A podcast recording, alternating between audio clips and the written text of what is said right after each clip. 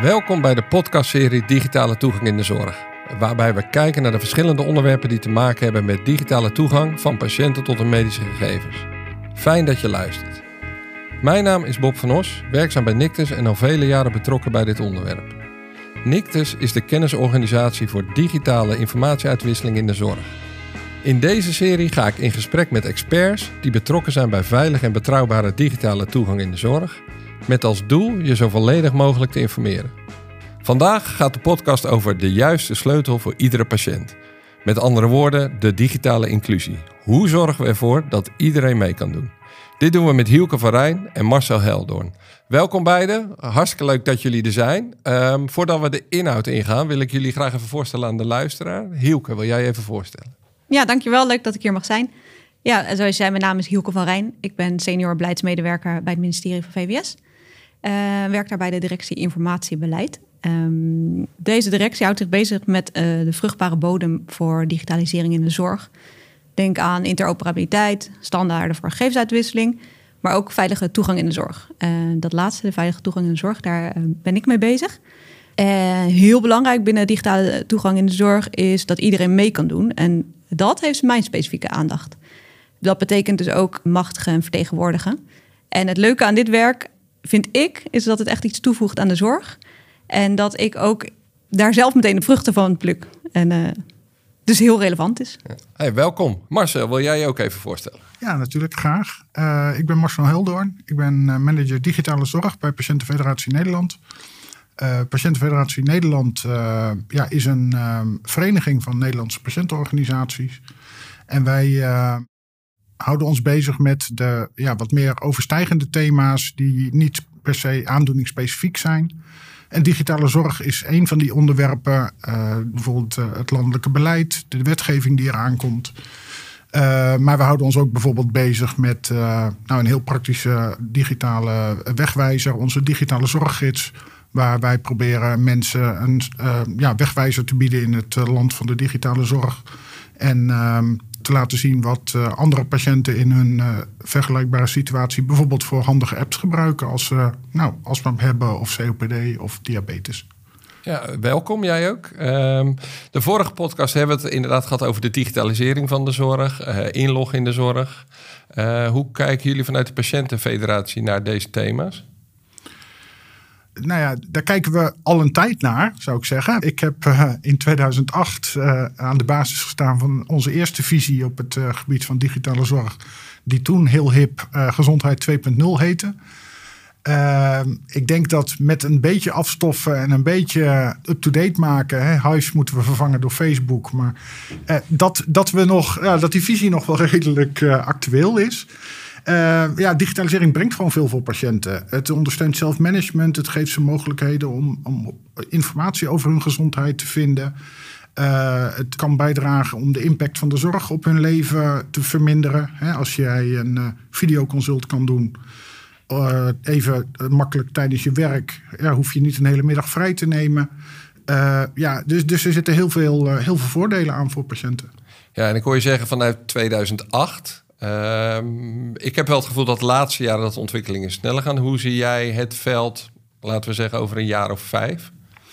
Nou ja, wij, zijn al een aantal jaren als patiëntenfederatie uh, nu bezig met uh, ja, de ontwikkeling, zal ik maar zeggen, van, uh, van de persoonlijke gezondheidsomgevingen, de PGO's. Eh, dat is wel een, een groot speerpunt voor ons. En nou, die staat nu echt wel in de kinderschoenen. Uh, er zijn PGO's waar mensen uit kunnen kiezen. De eerste zorgverleners die uh, kunnen via met mij hun gegevens ook uh, ontsluiten voor patiënten. Dat staat klaar. Ja, ik denk over vijf jaar hebben we een, ehm, een heel groot deel van, van Nederland ook bereikt met, met die boodschap. En verwacht ik dat heel veel Nederlanders een PGO hebben. Ja, en dus ook meer regie over hun, over hun data. Uh, maar in de vorige podcast bleek ook dat we naar dat hogere betrouwbaarheidsniveau moeten. Uh, mijn gevoel zegt dan uh, dat het ook moeilijk is om iedereen mee te krijgen. Hoe kijken jullie naar dat hele inclusievraagstuk? Ja, dat is, dat, is, dat is wel een beetje een dilemma. natuurlijk verwacht iedereen dat het veilig is. En tegelijk moet het voor mensen ook makkelijk zijn. En volgens mij kan dat. Mensen hebben het idee, nou, mijn bank kan het veilig. En uh, die uh, kan het ook makkelijk maken. Ik kan in mijn app met een vingerafdruk inloggen. En alleen als ik heel bijzondere dingen doe, nou, dan, dan moet ik af en toe een keer met uh, bijvoorbeeld een rijbewijs of zo aan de slag. Hè, bij een grote overboeking. En ja, zover zijn we nog niet op dat digitale gebied in de zorg. Dan merk je bijvoorbeeld dat mensen verschillende middelen moeten gebruiken. Dat ze voor het ophalen van hun gegevens natuurlijk een DigiD op dit moment moeten gebruiken. Maar bijvoorbeeld voor het inloggen in een PGO weer een ander middel. Nou, bijvoorbeeld een IRMA. En om dat te activeren moeten ze wel DigiD gebruiken. Kortom, dat is heel lastig en dat is echt belemmerend op dit moment. En ook wel lastig te communiceren naar mensen. Van waarom dat nou nodig is en wat daarachter zit. En, dus dat, dat is wel een opgave voor die, nou ik zou niet zeggen voor die vijf jaar, voor het komende jaar. Ja. Ja, en dat heeft dan weer te maken waar G. Lins het over had in de vorige podcast over het BSN-domein, het private domein. Um, ik ga naar degene die over beleid gaat, want die nou, kan misschien wat over privaat willen. Ja. Eén ding over mag zeggen. Kijk, voor mensen, uh, die hebben hun eigen domein. Het gaat over hen. En die denken niet in, oh, nu kom ik in een BSN-domein... wat iemand wel verzonnen heeft, wat juridisch misschien wel bestaat. Maar zo denken mensen natuurlijk niet als het over hun gezondheid gaat. Helemaal eens, helemaal eens. Um, Hielke, ja. Voordat ik vragen ga stellen, laten we eerst een algemene vraag willen. Kan je stellen voordat we hier uh, mee doorgaan. Vorige podcast was G. Linsen uh, hier en uh, René van der Assem. Jullie moeten trouwens beide de groeten hebben. Leuk, dank. En G. stelde de vraag aan jou, Hielke. Hoe gaan jullie als VWS met dit vraagstuk om? inclusie. Ehm, kan je daar antwoord op geven? Jazeker, ja. Digitale inclusie zie ik zelf uh, nog breder dan waar Marcel het net over had. Je hebt de groep die er al mee aan de slag gaat en daar moeilijkheden in ondervindt. Uh, het moet gewoon gebruiksvriendelijk zijn. Maar je hebt ook nog andere groepen. En we, ja, als VWS vinden we dat eigenlijk iedereen mee moet kunnen doen. Als hij dat wil. Je hebt altijd groepen die uh, niet willen. Daar moet eigenlijk de fysieke wereld ook nog voor blijven bestaan. Maar je hebt de groepen die niet kunnen. En daar zijn we naar allerlei oplossingen naar op zoek. En als je het hebt over niet kunnen, dan denk je dat ze de bijvoorbeeld groep die niet de juiste middelen heeft, die geen smartphone heeft. Je kan denken aan de groep die niet digitaal vaardig is. Ga je heel snel naar ouderen, maar dat hoeft natuurlijk niet. Uh, in elke laag zitten mensen die niet digitaal vaardig zijn. En uh, je hebt uh, mensen die niet mogen. Denk aan kinderen. Denk aan mensen die onder curatelen staan. En voor al die groepen willen we ook oplossingen vinden dat ze mee kunnen doen in deze hele digitaliseringsslag. Uh, aan welke oplossingen moet ik dan denken? Als je het hebt over het makkelijker maken voor niet-digitaal vaardigen, dan uh, kun je denken aan het gebruik van de DigiD-app. Als je logisch is continu bezig met uh, dat gebruiksgemak vergroten. Ze doen onderzoeken. Ik Logisch is de partij die DigiD beheert. Ja, ja. ja, zeker. Voorbeelden hiervan zijn dat ze de teksten leesbaar hebben gemaakt door taalgebruik, door lettertype, door opmaak. Maar ook bijvoorbeeld ehm, het, het, checken van je uh, ID-bewijs. Ik uh, was laatst in het ziekenhuis om mee te kijken met waar lopen patiënten tegenaan met de hele digitalisering. En die vertelde uh, een paar jaar geleden, als iemand met trillende handen zo'n ID-check wilde doen, dan lukte dat niet. En tegenwoordig lukt dat wel. Dus zeg maar, daar worden grote stappen in gezet. Um, ander voorbeeld is een de ID-check app, waar die volgens mij in eerdere podcasts al langs is gekomen. Maar waarbij je je kan laten helpen om zo'n ID-check te doen met iemand anders smartphone die wel een NFC-reader heeft. Dus dan doet iemand anders voor je die handeling? Ja. Oké. Ja. En ja, we werken ook voor uh, het hele gebruiksgemak, of in ieder geval het helpen van mensen samen met andere partijen, zoals de bibliotheken. Die bieden bijvoorbeeld cursussen aan om uh, het gebruik van DigiD uit te leggen. En ze hebben een informatiepunt voor waar mensen terecht kunnen met vragen. Dus dat is, dat is de groep nou ja, die het moeilijk vindt om hiermee aan de slag te gaan. Maar om die daarbij te helpen. Uh, maar dan heb je natuurlijk ook de groep, wat ik zei, die het niet kan of niet mag. En daar zijn we weer andere voorzieningen voor. De vertegenwoordigingsvoorzieningen. Oké, nou, maar dit moet allemaal uh, goed klinken in jouw oren. Dit neemt niet het probleem weg waar jij het net over had. Maar wat ik nu hoor is dat we in ieder geval het gebruik van de middelen uh, vereenvoudigen. Ja. En wat zou je dan zeggen van het probleem wat Marcel heeft? Van over die, ik ga inloggen bij mijn PGO, maar dan moet ik het met een ander middel doen dan mijn informatie op te halen. Ja, ik zie dat als um, we staan aan de start van, van het gebruik. Um, en uh, ik heb er vertrouwen in dat als we uh, private middelen uh, op de markt hebben, eh, als we die gebruikt worden, als we er meer ervaring mee krijgen, dat we hier echt stap in kunnen zetten. En dat het... Ja, want die private middelen mogen in beide domeinen, dus dan hoef je niet van middel te wisselen. Ja, klopt. Ja. Mag ik daar nog even iets over zeggen? Want uh, dat, dat geloof ik. Hè. Natuurlijk is het een, uh, nou, ik zeg altijd maar een ontdekkingsreis waar je op, op moet. En de eerste mensen die uh, het oerwoud ingaan, die moeten met hakmessen al die, het eerste paadje banen. maar tegelijk staan we wel toch aan een vooravond waar een veel groter publiek bijvoorbeeld zijn PGO kan gebruiken om gegevens bij de huisarts op te halen. Nou, iedereen in Nederland heeft een huisarts. En ja, als ik nu merk in de eh, gebruikersonderzoeken die wij hebben gedaan, en dat is nu nog best wel intern, bijvoorbeeld onder mijn collega's, en dat zijn mensen die nou, meer dan gemiddeld opgeleid zijn, zal ik maar zeggen, die toch op dit punt echt wel serieus problemen ervaren en met heel veel vragen zitten, dan, ja, dan maakt het, heb ik wel een beetje zorgen juist over die eerste stappen die we gaan nemen. Ook ja, wat we dan van die mensen vragen die hiermee aan de slag gaan. Dus dat wilde ik nog wel toevoegen aan jouw antwoord. Ja, ja en, en ik, daar moeten we gewoon aandacht voor blijven houden. Zeker. Eigenlijk. Ik blijf even bij jou, Marcel. Want uh, in de vorige podcast hebben we René ook gevraagd of hij een vraag voor jou had. En die had hij. En hij wilde aan jou vragen of je tips en tricks hebt uh, hoe we patiënten helpen in dit hele proces. Hoe krijgen we ze naar dat hogere betrouwbaarheidsniveau? Nou ja, Hielke die had al, uh, denk ik, wel goede antwoorden.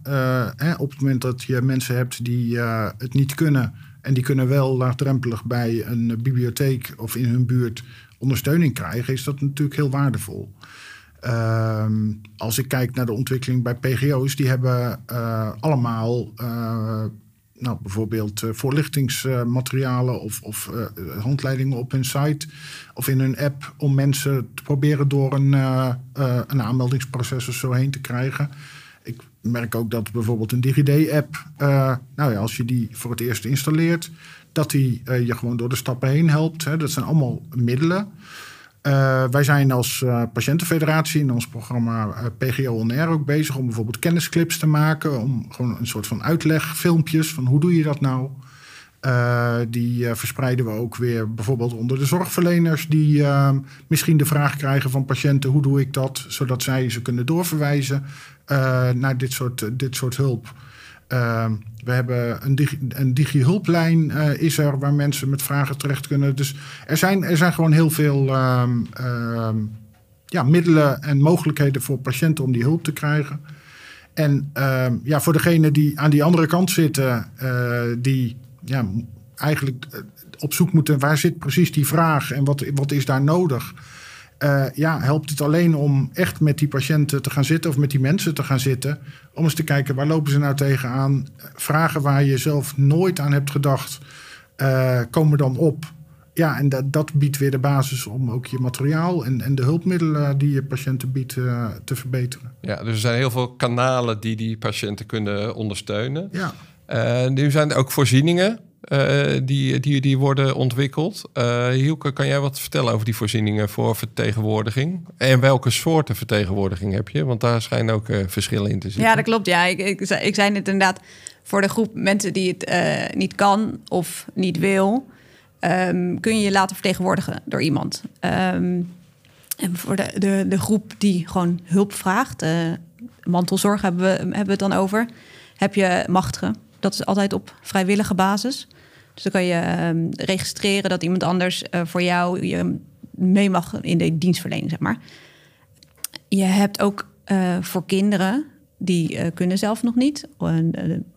kunnen ze het, dan mogen ze het nog niet altijd.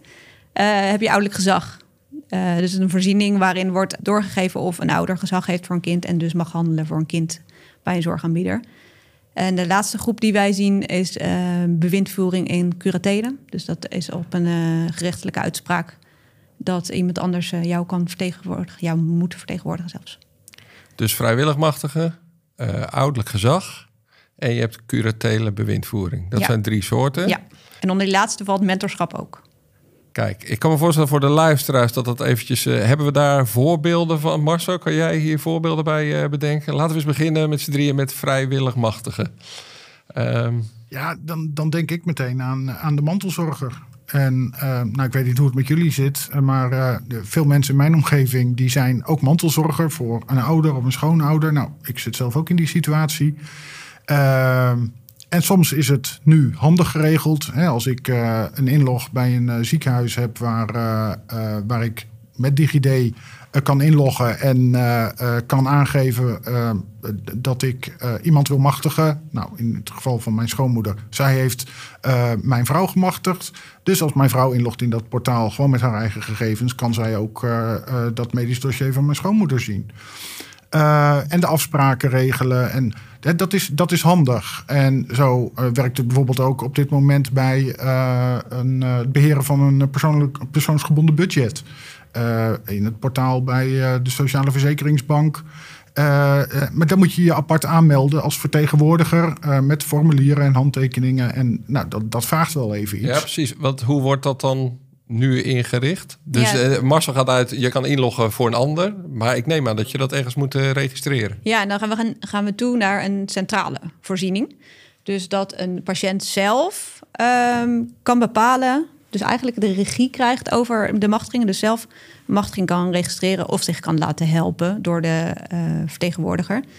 Um, maar dus dat hij dat zelf kan registreren voor um, welke dienst, voor welk ziekenhuis, voor uh, welke uh, zorgorganisatie, voor welke periode.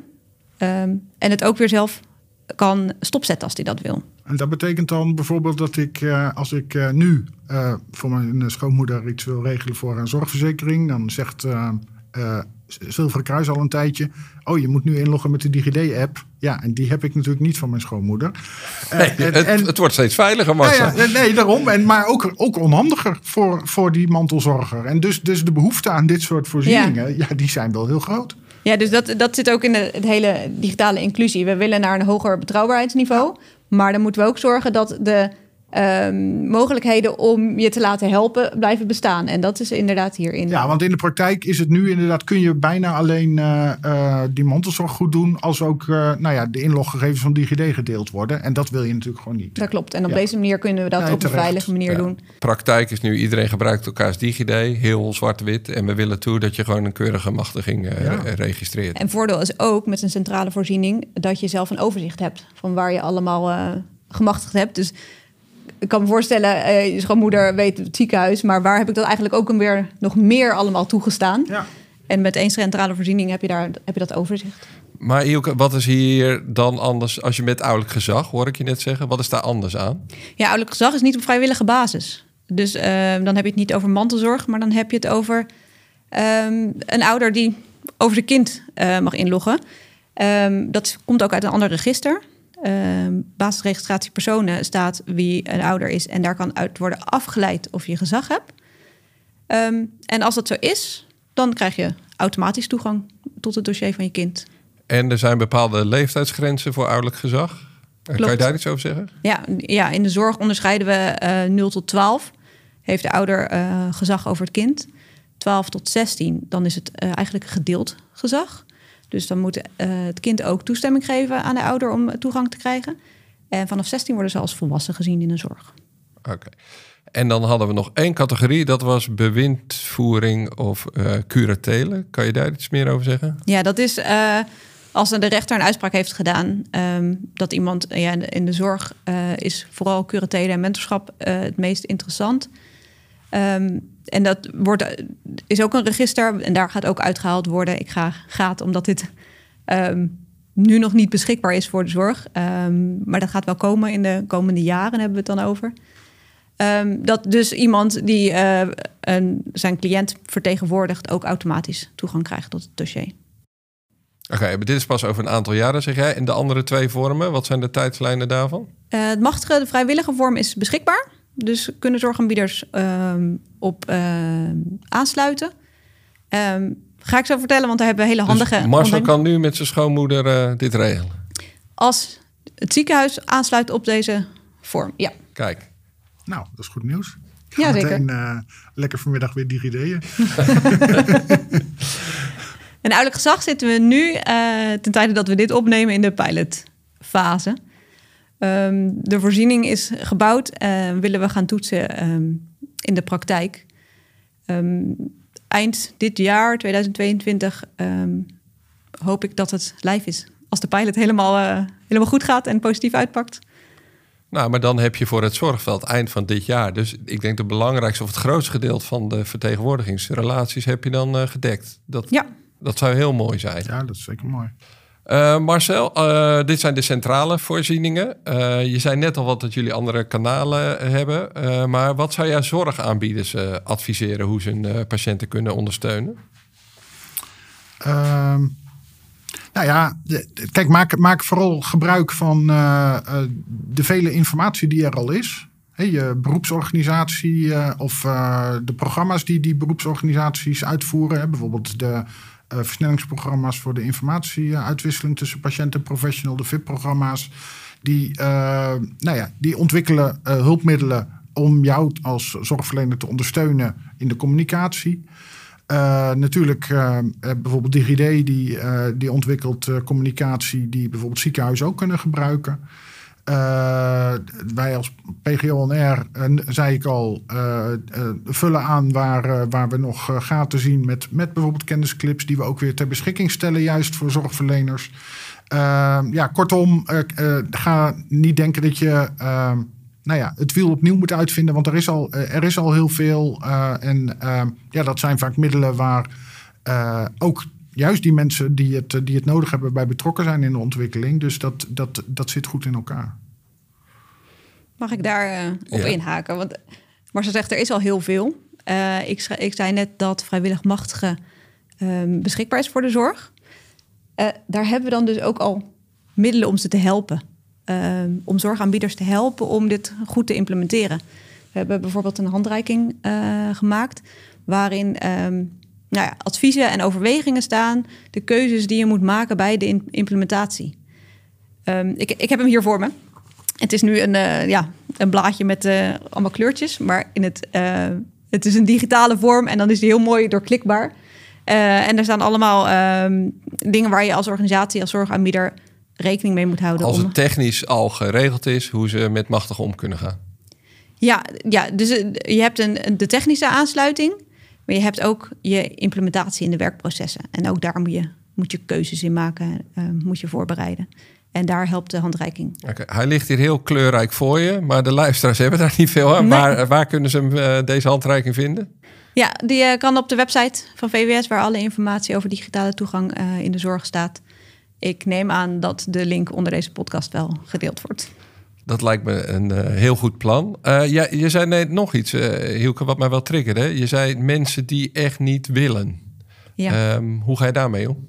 Ja, ja wat ik zei, hè, ehm, er moet altijd een fysieke vorm blijven van zorg. Maar wat ik heb gehoord in, eh, in het zorgveld, vindt iedereen dat ook. We gaan eh, mensen stimuleren om eh, naar digitale dienstverlening over te gaan. We gaan ze daarbij helpen, eh, zoveel mogelijk.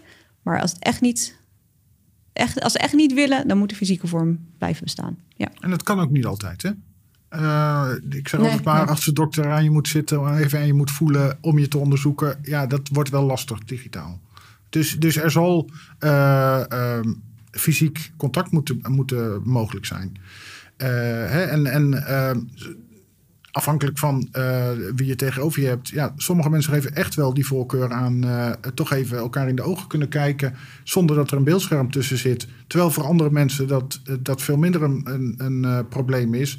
Ja, ja goed. de- die fysieke mogelijkheid, ik, onderstreep dat ook nogmaals, die, die moet er inderdaad gewoon blijven. Ja, helder. Als ik jullie zo hoor, dan zijn er volgens mij redenen genoeg om iedereen in Nederland mee te krijgen. Ik hoor jou wel zeggen, Marcel, er zijn vooral met PGO's is nog wel het vraagstuk dat ze met twee verschillende middelen moeten inloggen. Hè? Inloggen met een privaat middel en dan je informatie ophalen met het DigiD nu. Hoor ik Hielke zeggen dat de private middelen daarbij kunnen helpen. Eh, voor de rest zijn er drie soorten vertegenwoordiging. Waar wij op korte termijn dit jaar al twee soorten, ehm, eh, het vrijwilligmachtige en het ouderlijk gezag, waarschijnlijk eh, ingevuld kunnen worden. Ehm, het klinkt mij positief in de oren, maar waarbij wel we moeten monitoren dat we iedereen inderdaad mee kunnen nemen door middel van informatie, eh helpdesk hoor ik jullie zeggen. Ehm, klinkt goed, lijkt mij. Jazeker. Nou ja, zeker dat punt. Hè, dat eh, eh, echt eh, die inclusie, ja, weet je, dat, dat is gewoon heel belangrijk. En Hielke die, die noemde net al de, de verschillende categorieën.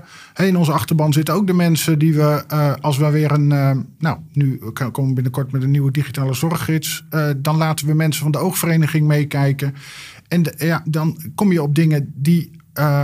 Bedenk je niet. Eh, mensen die kleurenblind zijn, missen gewoon zaken op websites als je daar niet, niet aandacht aan geeft. Of eh, in apps. Of eh, mensen die afhankelijk zijn van een braille reader.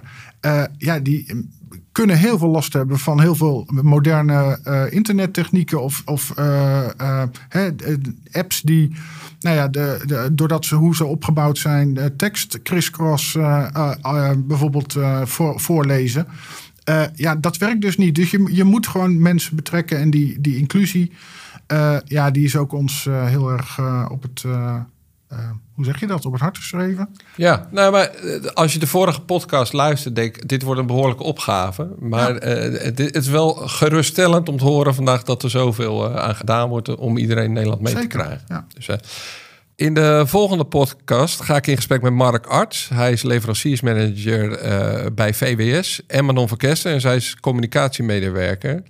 Ehm, ik wilde aan jullie vragen of jullie een vraag willen stellen. Begin ik bij jou, Hielke, want dat zijn jouw eh, collega's. Eh, heb jij een vraag voor ze? Jazeker. eh ik ken de Manon en Mark natuurlijk heel goed. Ik werk dagelijks met ze samen. Wat ik wel leuk zou vinden, eh, waar als Mark daar wat extra op in kan gaan bij volgende podcast, ehm, is eh, hoe het zorgveld wordt ondersteund. Het zorgveld is heel groot, heel divers. Ehm, we weten dat er ongeveer eh, voor ruim 12.000 zorgaanbieders zijn die ehm, digitale dienstverlening aanbieden. En hoe ga je die allemaal bereiken? Dat zou ik graag van Mark willen horen. Die vraag ga ik stellen aan hem. En ik, Manon die gaat over het communicatievraagstuk. Ik kan me voorstellen dat jij vanuit de patiëntenfederatie een vraag aan haar hebt. Ja, zeker. Eh, we hebben het gehad over eh, nou ja, gebruiksvriendelijkheid en over het, het helder uitleggen en mensen op weg helpen. Eh, ja, ik ben heel erg benieuwd hoe, eh, eh, hoe je dat handen en voeten geeft eigenlijk in die communicatie voor, eh, voor de mensen waar we het voor doen. Die vraag ga ik ook stellen. Ehm, hiermee zijn we alweer aan het einde gekomen van de aflevering 4 van deze serie Digitale Toegang in de Zorg. Ehm, ik wil jullie heel erg bedanken dat jullie eh, aanwezig waren. Graag gedaan. Graag gedaan. Ik kan me voorstellen dat je nog vragen hebt naar aanleiding van deze podcast.